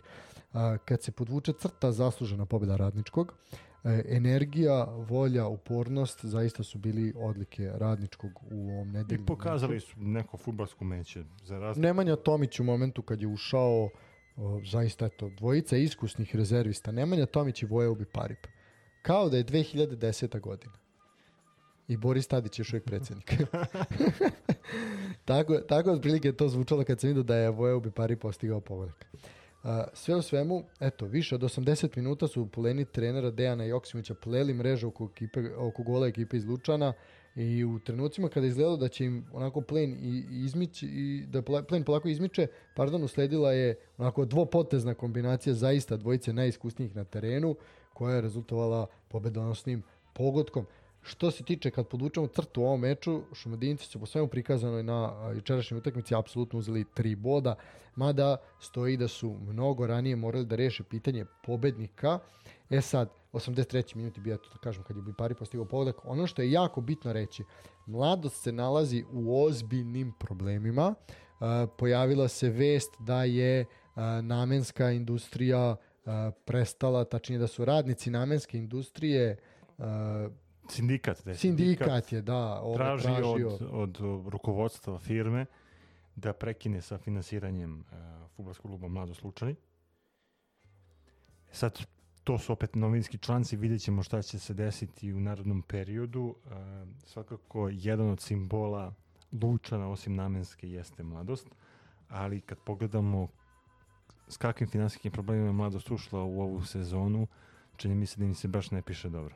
Pa ovako sad mislim da prvo Milan Blagović je jedan od ozbiljnih sponzora mladosti iz Lučana i bojim se da bojim se da je to ozbiljan, ozbiljan problem problem za klub i ovo može i tekako na duge staze ove sezone da bude problem jer može dovesti čak po meni i opstanak, opstanak u pitanje. E, ajde ukratko, samo radnici su tražili da umesto tih 34.000 eura koliko ovde stoji, ovaj, to je mese, na mesečnom nivou, da, ovaj, da od ipak ostane radnicima, što ja svakako mislim da je u ovom trenutku i potrebnije. Ovaj, eto, može dovesti Lučane u ozbiljan ozbiljan problem. Ali o, to ćemo svakako pratiti i to je jedna bitna informacija za sve one koji budu pratili. Nemojte očekivati da ovaj, nemoj da bude čudno ako mladost bude posrtala i ako kohezija u ekipi ne bude dobra, postoji valjan razlog za to. Sad se čeka Gordić da se unovči, pa da se od nečega preživi. Vidjet ćemo kako će oni a, nastaviti dalje takmičenje, ali za sad im se ne piše uopšte dobro. Pritom a, loše igraju na terenu, igraju nepovezano, a, mislim da je i voljni moment na početku sezone u minusu. Rezultati pokazuju da stvarno ima određenih problema kad je u pitanju a, igra. Eto ta finansijska inekcija koja bi im bila uskrećena bi dodatno samo pogoršala situaciju, ali opet ajde da, da, da sagledamo malo drugačije i da pustimo vreme da odradi svoje da vidimo da li će se nešto desiti u narodnom periodu. A, svakako po meni možda trenutno Lučanci su prvi ka, kandidati za ispanje iz ligi. Jedni od, od ozbiljnijih kandidata svakako. A, dobro, ajmo dalje. Poslednji E, meč nedeljnog meč. programa, Eto, idemo napredak Voždovac. napredak Voždovac. Ušminkani stadion Mladost. A, ako neko ne leži napretku, onda je to Voždovac. Verovo ti meni ili ne, napredak je ostvario samo jednu pobedu nad Voždovcem posljednjih 17 mečeva. U posljednjih, mislim, 30 i nešto dve pobede. Znači, ozbiljan problem imaju. Skoro kao Javor i Partizan. Prošle sezone u tri okršaja Voždovac je zabeležio dve lagane pobede uz Remi na krovu bez golova. E sad, uh, ako je suditi po uvodu šampionata, a prošlo je to 180 minuta futbala, da se pokažu neki obrisi svakog tima, uh, igraće napredak poput radnika prošle sezone, tvrde utakmice, ne dajući puno prostora protivniku da se razmahne, čekajući kontre. Očekivano na svom terenu su igrali mnogo otvorenije nego što je to bilo u prvom kolu na Karadžođu, ali bit će potrebno još vremena, a verovatno još i dosta pojačana, pojačanja da Dušan Đorđević napravi od najvećeg razočarenja prošlogodišnjeg play-offa napravi tim kadar da se ponovo nađe među osam najboljih. Inače, pitanje, evo pitanje za tebi, jedan kviz, kviz pitanje. Kad je napredak zadnji put dao gol? Aj, seti se. Uf. Ispratili ga mi u emisiji. Baš dugo, baš dugo, dugo. Ali opet raduje ta činjenica da su počeli da igraju futbol. Jesu, ali golovi izostaju. Gol su zadnji put dali u poslednjem meču pred play Playoff. play-off, znači to je ujedno gol Saše Marjanovića koji ih je uveo u play-off, onom 98 minuta pa pratili smo uživo tu utakmicu jel, u našem, našem prenosu. E, dobro, Evo, kao što sam rekao, raduje činjenica da su Kruševljani počeli da igraju futbol. Napadali su, stvarali šanse, ali... No, Znaš šta je ključni moment tog meča? Ključni moment meča je što je Dušan Đorđević izuzetno iznenadio na jedan lukav način, iznenadio stručni štab Voždovca. A to je, potpuno je promenio formaciju koju igra. Inače, igra sa četiri u zadnjoj liniji, sad je promenio sa tri. I to je bio onako jedan bensedin na, za, ili Bromazepam, šta ko više preferira, ovaj, za ekipu Voždovca, gde se momci nisu snašli. Ovaj, I onako, tek oslo, Voždovac se negde oslobodio i pretio tek u nekoj posljednjoj četvrtini susreta, ma dajde može se reći da je napredak bio bolji u prvom poluvremenu, Voždovac u drugom, ali u tom nekom pred sam kraj meča tu je, tu je onako goril, gorelo. Uh, Bojan Čečarić je bio najbliži golu, pogodio je stativu. Uh, što se tiče uh, Voždovca, Voždovac je imao nekoliko, nekoliko dobrih šansi, možda je najbolja onoga Mijailovića kada je šutirao iz slobodnog udarca sa ivice kaznenog prostora, šutirao je pored gola. Voždovac je ostao neporažen u Kruševcu, uzeli su bod na strani, nisu primili gol i što bi rekli pobede kod kuće, bod na strani, to je sasvim u redu da se gura do play-offa i one borbe za Evropu, za jedno od tih pet mesta koje vodi u evropski, na evropski izlet. Uh, napretku još puno rada i sazrevanja da dođu do željene forme, a samim tim i rezultata. Ovim se, druže moj, završava naša analiza drugog kola Super, Mozart Bet Super Lige Srbije ili što bi rekli ovi iz dnevnika Max Bet Super Lige Srbije. A mi ćemo sad kratko samo proći tabelu, čisto imamo ko je koliko bodova sakupio u ovih uh, u ova dva kola. Nema sumnje, Zvezda je Prva, na čelu naravno. tabele. Devet golova bez primljenog gola, samo dve ekipe, zapravo tri ekipe su bez primljenog gola, a prva je Crvena zvezda i Vojvodina imaju po šest, dali su Zvezda dala devet, Vojvodina pet, Partizan dao 7, primio 3, 4 boda, TSC četvrti takođe 4 boda, sad ću čitati sve sa 4 boda, Spartak 4 boda, Radnički 4 boda, Voždovac 4 boda, Čukarički 3 boda, Mladost Gat 3 boda, uh, Mladost Lučani 1 bod, Napredak 1 bod, Radnički iz Niša 1 bod, uh, Javor 1 bod, Kolubar 1 bod, bez bodova su za sada Novi Pazar i Radnik. Uh, to je što se tiče tabele, znači tu nema mnogo šta se priča, to je tek, tek početak svakako. E, mi sad krećemo na najavu Našeg narednog, humanitarnog tiketa. narednog kola. narednog Evo, još jedan put pozivamo sve uh, ljude dobre volje i širokog džepa da nam pomognu, evo da uh, zašto da ne ostvarimo dobitak ovaj put. Ognjenu hvala za donaciju prošlog puta. A druže moj, ovakva je situacija. Sam da vidim koji ovo pada dan. Znači, pričat ćemo svakako i ovo što se dešava do početka kola, to, ćemo, to će biti sledeća tema, o evropski izleti naših i oni koji su bliski nama srcu. U petak 22. jula od terminu od, znači pišem petak, 22. jul u 20 časova, jedina utakmica u petak, Javor Novi Pazar. Kao što smo već napomenuli, Javor ekipa koja traži bodove protiv ekipa sličnog ranga I pogotovo kod kuće. i pogotovo kod kuće, tako da ja bi ovdje igrao 1x. A, dobro, ja ću ovde reći da će oba tima dati po gol. Ovo je optimistično, možeš priznati. e, dobro, subota 17 časova. E sad se vraćamo na onu priču tri utakmice u danu. Znači, e, 17, 19 i 21. I mislim da, ovo, da ostane Ovo ovako sasvim okej. sasvim okej. Znači, e, Kolubara će u Lazarevcu dočekati radnički iz Niša. Uh, 17 časova, subota, Lazarevac, Stefane. Pa ne znam, evo, gledajući Kolubar u prethodnom kolu, gde osim golmana niko ništa nije pokazao, a golman je bio poprilično problematična tačka. Čini mi se da, da radnički ovde definitivno mora da traži te bodove koji su im potrebni za odlazak u gornji deo tabele. Tako da bi opet igrao na, igrao bi na, na pobedu radničkog. Dobro, ali vidi, nemoj zaboraviti jednu bitnu stvar, a to je da oni idu na Maltu za, vik, za preko nedelje.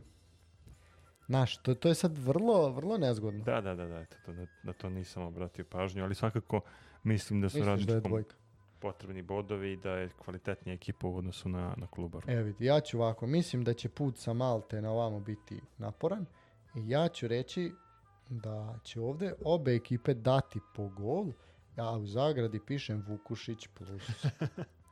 mora ga, mora ga dati, Dobro. ne, da. E, dobro, e, 19, ča, os- tačnije 18.55 subota, a to je Lučani Crvena zvezda. Definitivno O, nema tu šta. da se pucavanja. priča, Znači, biće napucavanja, samo je pitanje sa kojim gol količnikom. Ali eto, ako je, Ja ću reći 4 plus. pa ja ću reći od 3 do 5. Uh, od 21 čas na stadionu Partizan konačno kući posle dva kola Partizan Dočekuje dočekuje TSC.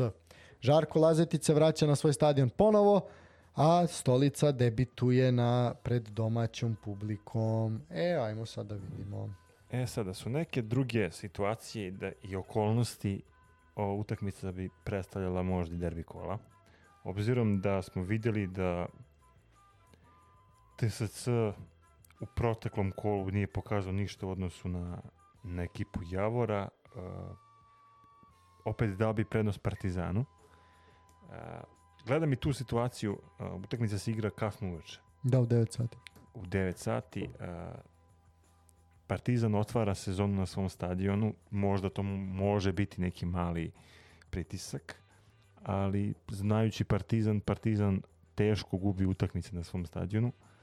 Tako da bi ovde očekivao pobedu Partizana uz neki rezultat možda eto 3-1 ili 3-2. Pa nek bude eto keci od uh, 2 do 5. Ili ima tako? Može.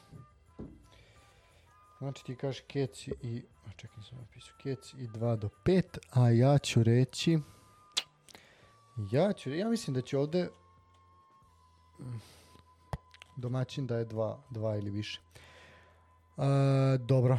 A imamo još jedan meč u... Ja sam ovo prevideo, ja se izvinjam.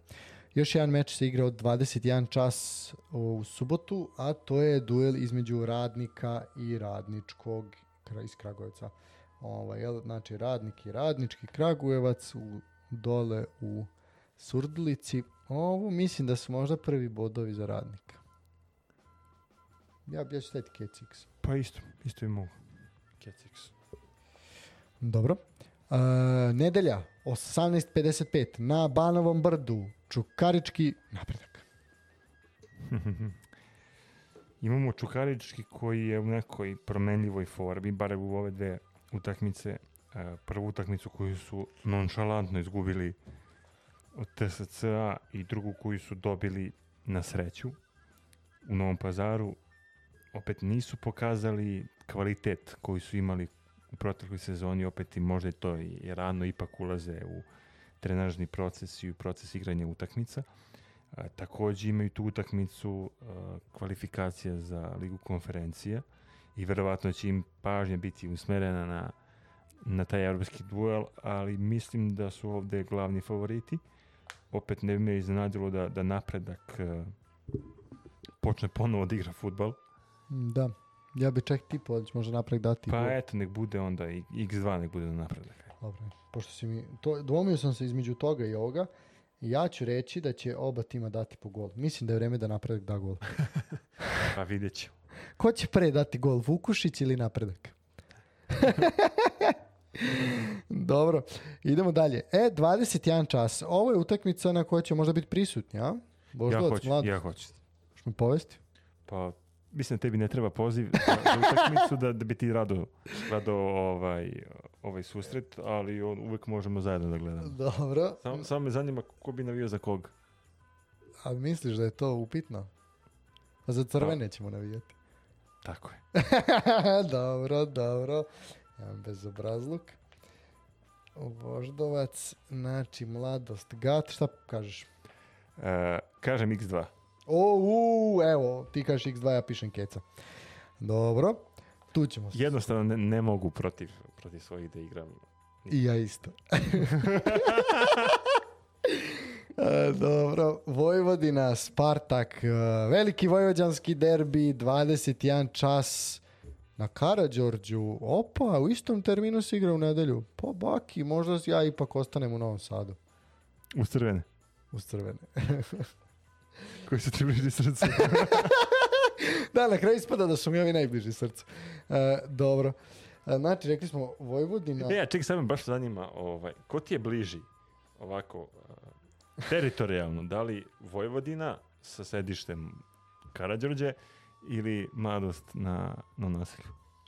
A misliš ako bi geografski gledali? Da, da. Pa geografski meni... Ja mislim da ti je mladost bliža. Mladost mi je bliža, jeste, priznajem. Po ličnoj karti mi je mladost bliža. Pa i po mestu sta, pa jest bliža. Da, jeste i po mestu. Bliže, po mestu bliže, da. A, dobro, A, Vojvodina, Spartak. Kec. Dobro. Bez Ja, mišljenja. ja ću reći domaćin da je dva ili više. Druže moj, to je što se tiče uh, lige. To je tiket, naša dva. E sad, imamo i uh, Evropu. I Evropu bole imamo, a Evropa kaže sledeće. Evropa kaže ovako, znači u utorak, ajde da ćemo pretrčati, znači imamo zanimljivo gostovanje uh, tačnije Dinamo dočekuje ovaj škup ili kako se to čitalo, jel, makedonskog predstavnika za, uh, u kvalifikacijama za Ligu šampiona. Uh, Zrinski ide u Tiranu, to je isto na primjer zanimljivo. U sredu Sutjeska dočekuje klasvikar. Odakle je klasvikar? Ajde, pogodi. Šta Nek- može biti klasvikar? a? Pa nešto, Gibraltar ili tako ne. Ne znam. Može se- Prvi put čujem za klub. Farska ostrava. Farska ostrava. Ma, mislim da bi Sutjeska morala, morala rešiti. E, e, onda imamo četvrtak. Znači, što se tiče četvrtka, e, Osijek igra protiv Petroplavovs, Pavlovska.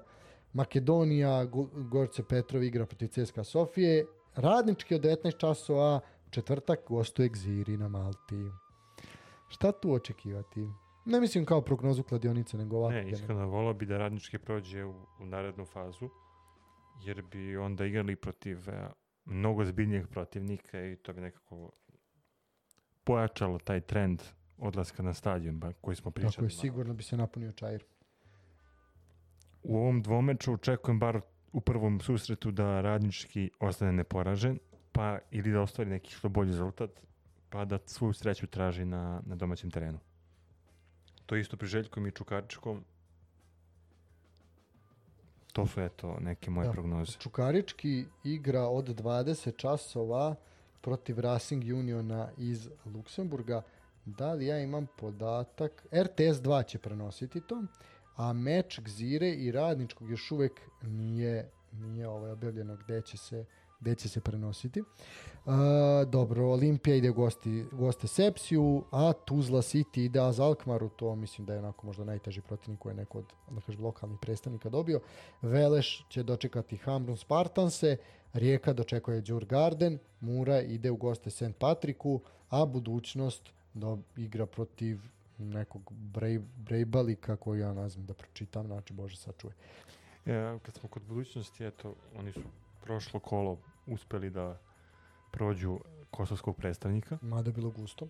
Jeste bilo gusto i dosta velika drama se podigla oko tog meča, pogotovo nakon tog prvog u Podgorici i te navodne koreografije uh, Varvara navijača budućnosti. Uh, oni su napravili jedan jako dobar marketing uh, i animirali su celu Podgoricu i, i sve navijače da krenu put uh, južne srpske pokrene.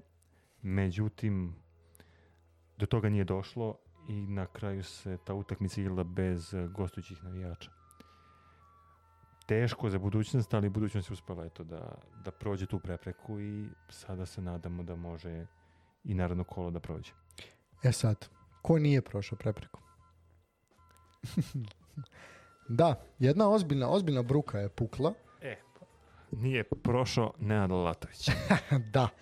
E, ozbiljna bruka je pukla, a, Lalatović i Banjalučki borac su izgubili na Farskim ostrovima. Imali su 2-0 iz prvog meča na, koji je odigran u Modriči na domaćem terenu i poklonili su dva penala ekipi B36 Oršavna i na kraju izgubili sa 3-1, a potom ispali i na penale.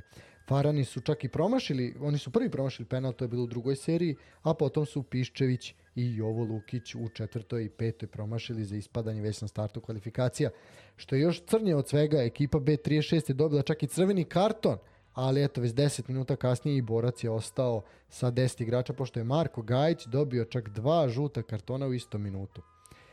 Borac je zaista imao žreb kao nacrtan, znači do trećeg kola, pošto bi u drugom išli na Trefiori i na Folu Eš, znači zaista su mogli doći blizu, blizu Lige konferencija. Ovako, istorijska šansa za Farane ili ekipu iz San Marina ili Luksemburga da priđu Ligi konfederacija, uh, odnosno konferencije. Uh, što se tiče Nenada Lalatovića, mislim, nekako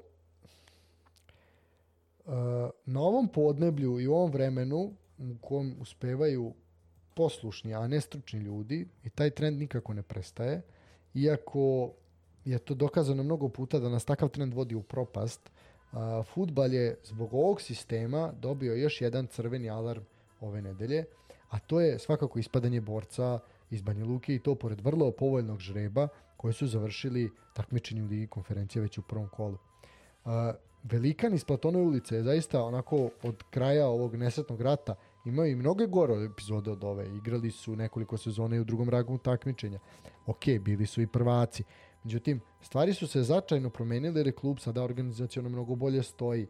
Međutim, ni to ne garantuje rezultat. Na klubu borca se je Nenad Lalatović, jedan od, da kažemo, ono kako ga javnost predstavlja kao uspešnijih trenera Srpske Superlige. Velika je euforija pratila dolaze kako i u Srbiji, tako i Republici Srpskog. Pogotovo među navijačima naj, najpopularnijeg kluba jel, u, u, u Banja Luci, svakako i u srpskom entitetu. Popularni Lalat dobio odrešene ruke, pa je zajedno sa njim došao i nov stručni štab kao i potpuno devet novih igrača.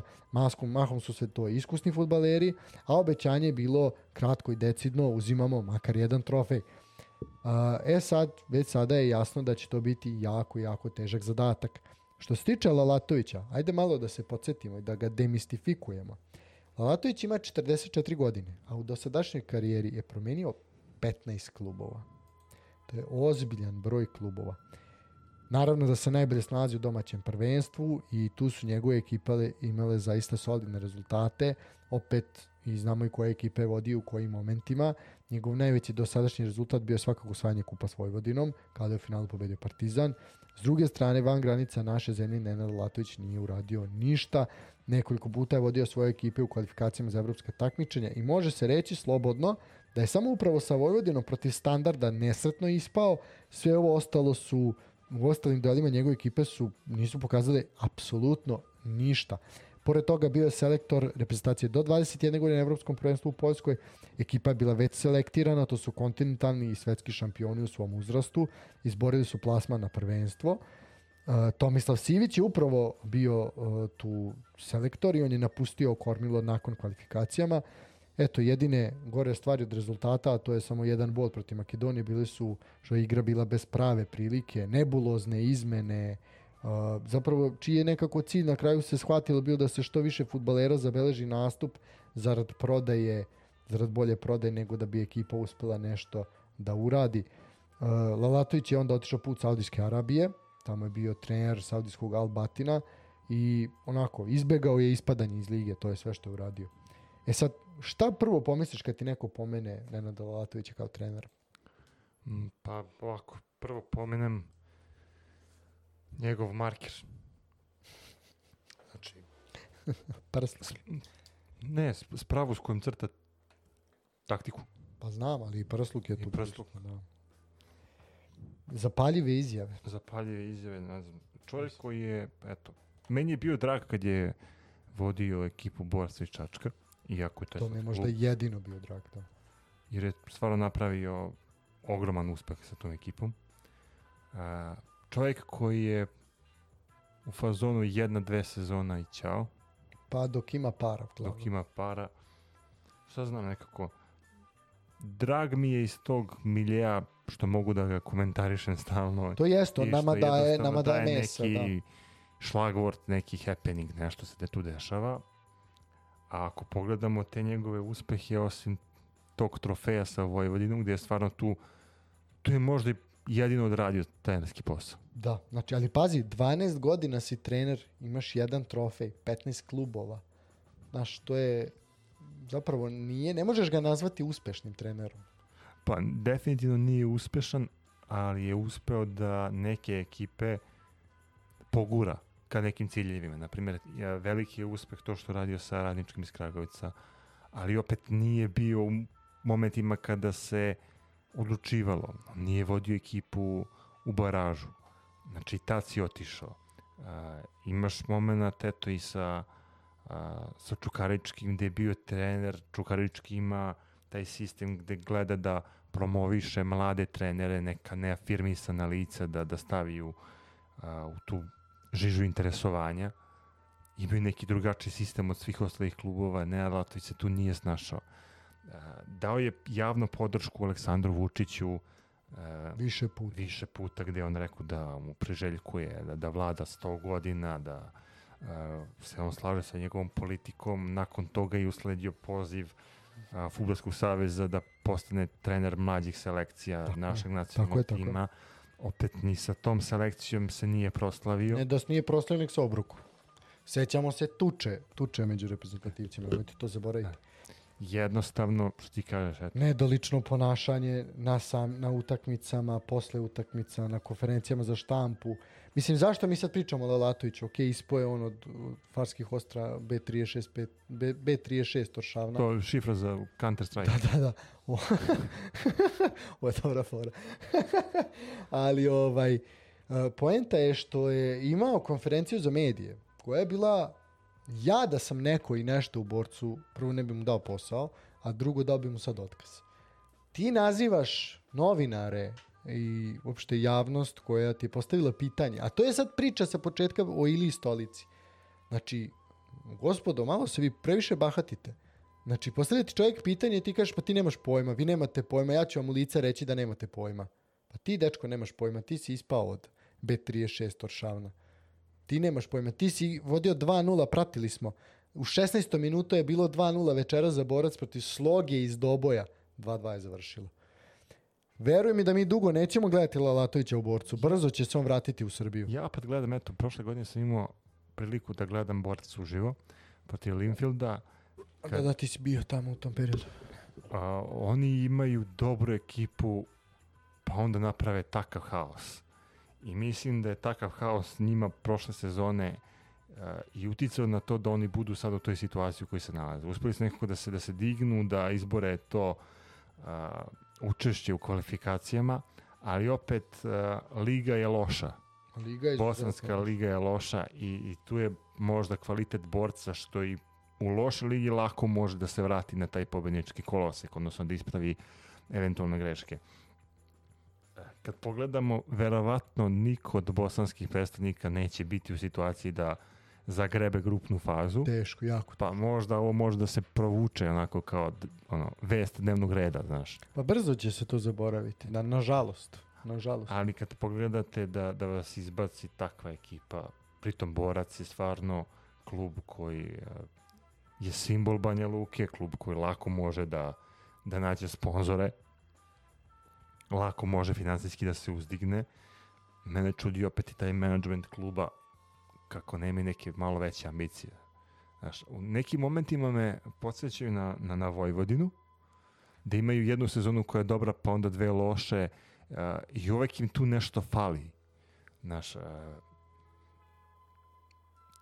da li kad je u pitanju uh, Evropa, da li kad je u pitanju prvenstvo, mada opet Borac je bio šampion Vojvodine, nije od 89. Pa dobro, uzeli su trofej, ajde. Da, sad, uzeli su trofej, ali je koncepcija lige. jel? Poprilično su sličnog nekog poređenja. Zato su bratski klubovi. Pa možda i to. Da. E sad, Elem, uh, mislim, Lalatović je još jednom pao ispit, definitivno. I ono što je po nama još tuž, meni je svakako tužnije i žalije borca. A mislim, negde se nadam da ako je uspe da preživi na klupi da će izvući neke pouke, ali sumnjam. Ne, ja verujem da će on ostati. Znaš, ne vidim razlog da bi mu se dao otkaz nakon par kola. Jer Neće ipak- nakon par kola, Jer ipak ali je on, on je projekat borca sad. Znači, to je veliko pitanje, da. Njemu su date odrešene ruke da on dovodi svoje igrače. Dovo je koliko? 9-10 igrača Devet igrača, da. ove sezone koji je on hteo, navodno. Znaš, mislim da, da je vreme da a, puste rukovodstvo a, trenera kako će onda da, da, da vodi ekipu za sad. Očigledno mu ovi toplotni šokovi ne idu u korist. Da, mislim on je, kažem, jako je jeziva i stravična ta konferencija koju je on imao nakon ispadanja, gde je vređao sve žive prisutne u sali i govorio ako želite da odem ja ću otići, ako želite da odem ja ću otići. Ne Ali to možete... slušamo od njega stalno. A to slušamo stalno, ta zamena teza. Ja nisam rekao da ćemo mi proći u Evropi, ja to je, moja priča se odnosila na uh, li, premijer ligu Bosne i Hercegovine. Čekaj, druže, nemoj pričati gluposti. Znači, pritom evo, ok, ako se odnosila na premijer ligu Bosne i Hercegovine, zašto nisi pobedio u Doboju danas?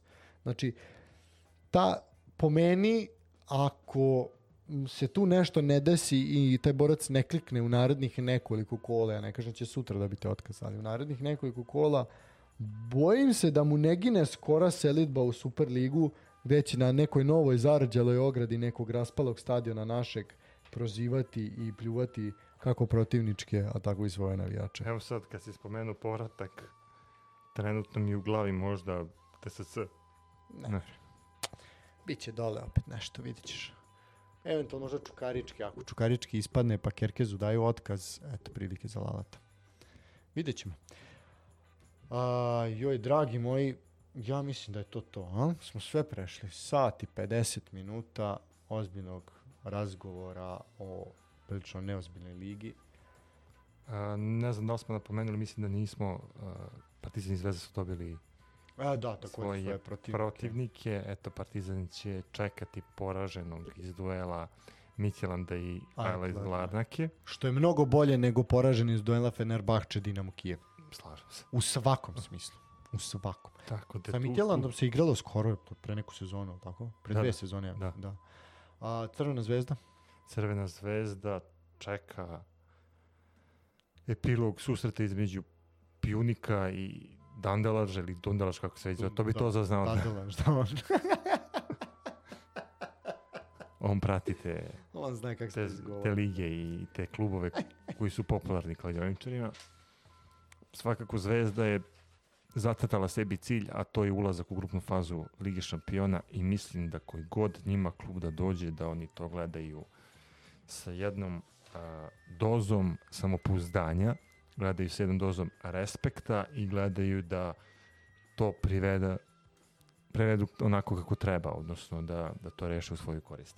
A, za Zvezdu se ne brinem, mislim da je Zvezda apsolutni favorit i da ide u dobrom smeru. Partizan može da se oklizne, ali opet sve zavisi od Partizana. Partizan prvu utakmicu igra na strani, a onda drugu čeka kući. Koliko sam video, utakmice su u intervalu od uh, 4. do 11. Znači 4. je prva utakmica, 4. augusta, a, revanš se igra 11. Mene iskreno u ovom trenutku samo zanima kako će proći Čukarički i Radnički iz Niša, a vidjet ćemo posle u tom trećem kolu a, kada se pridruže a, Partizan i Crvena zvezda kako će to dalje ići. Svakako našim futbalskim klubovima koji ove godine predstavljaju Srbiju u Evropi želimo mnogo uspeha i mnogo sreće jer sreće će im baš trebati. Slažem se, lepo si, lepo si poentirao za kraj.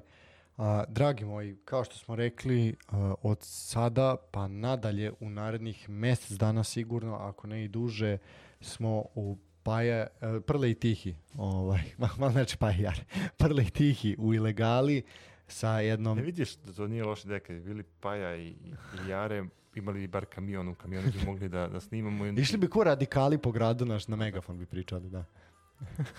Pazi, tak, tako je Milošević pao 90-ih, Tako, odnosno to je to. 90, 2000 2000. tako je pao. Ovaj, možda tako i mi padnemo. Dobro. S kamiona. iz kamiona. Sve u svemu, evo, iz uh, CK13, iz Novog Sada, uh, hvala još jedan put drugarima iz Crne kuće koji su nas primili, gde eto, čekamo da se naši radijski roditelji vrate sa godišnjeg odmora, da sredimo tu sobicu u kojoj ćemo u buduće snimati, Bez kauča. bez kauča, da, mada kaže Daško da će naći nešto da ćemo da se opružimo. Možda ti baš i neš moći da se opružiš, mi kraći ćemo moći. Ovaj, sve u svemu, znači od sada pa dok se oni ne vrate sa godišnjeg odmora smo a, ovako na odloženom slušanju, znači negde ćemo se truditi da ponedeljkom uveče snimimo epizodu da možete da je slušate već u utorak. Naravno sve ćemo najavljivati na, kao i do sada na svim stranicama, a, druž, na svim društvenim mrežama, kao i na YouTube-u, tu ćemo i dalje biti. A, ljudi, šaljite poruke, pišite, šaljite nam poklone, sve živo šta možete, šaljite novce, šta ko ima nek šalje. A, dođite da se družimo, lepo je dvorište u CK13, može, može lepo da se sedne i priča o svemu, pa ako hoćete baš i o domaćem futbalu.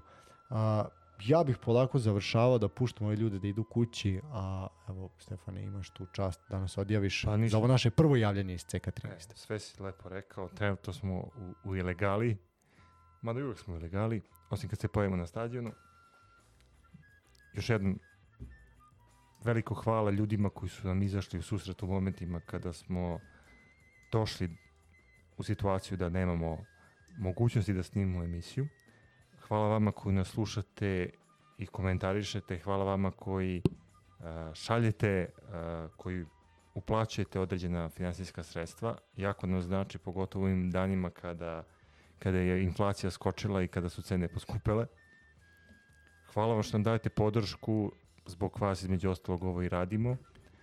Mi se vidimo sledeći put i čujemo do tada sportski pozdrav.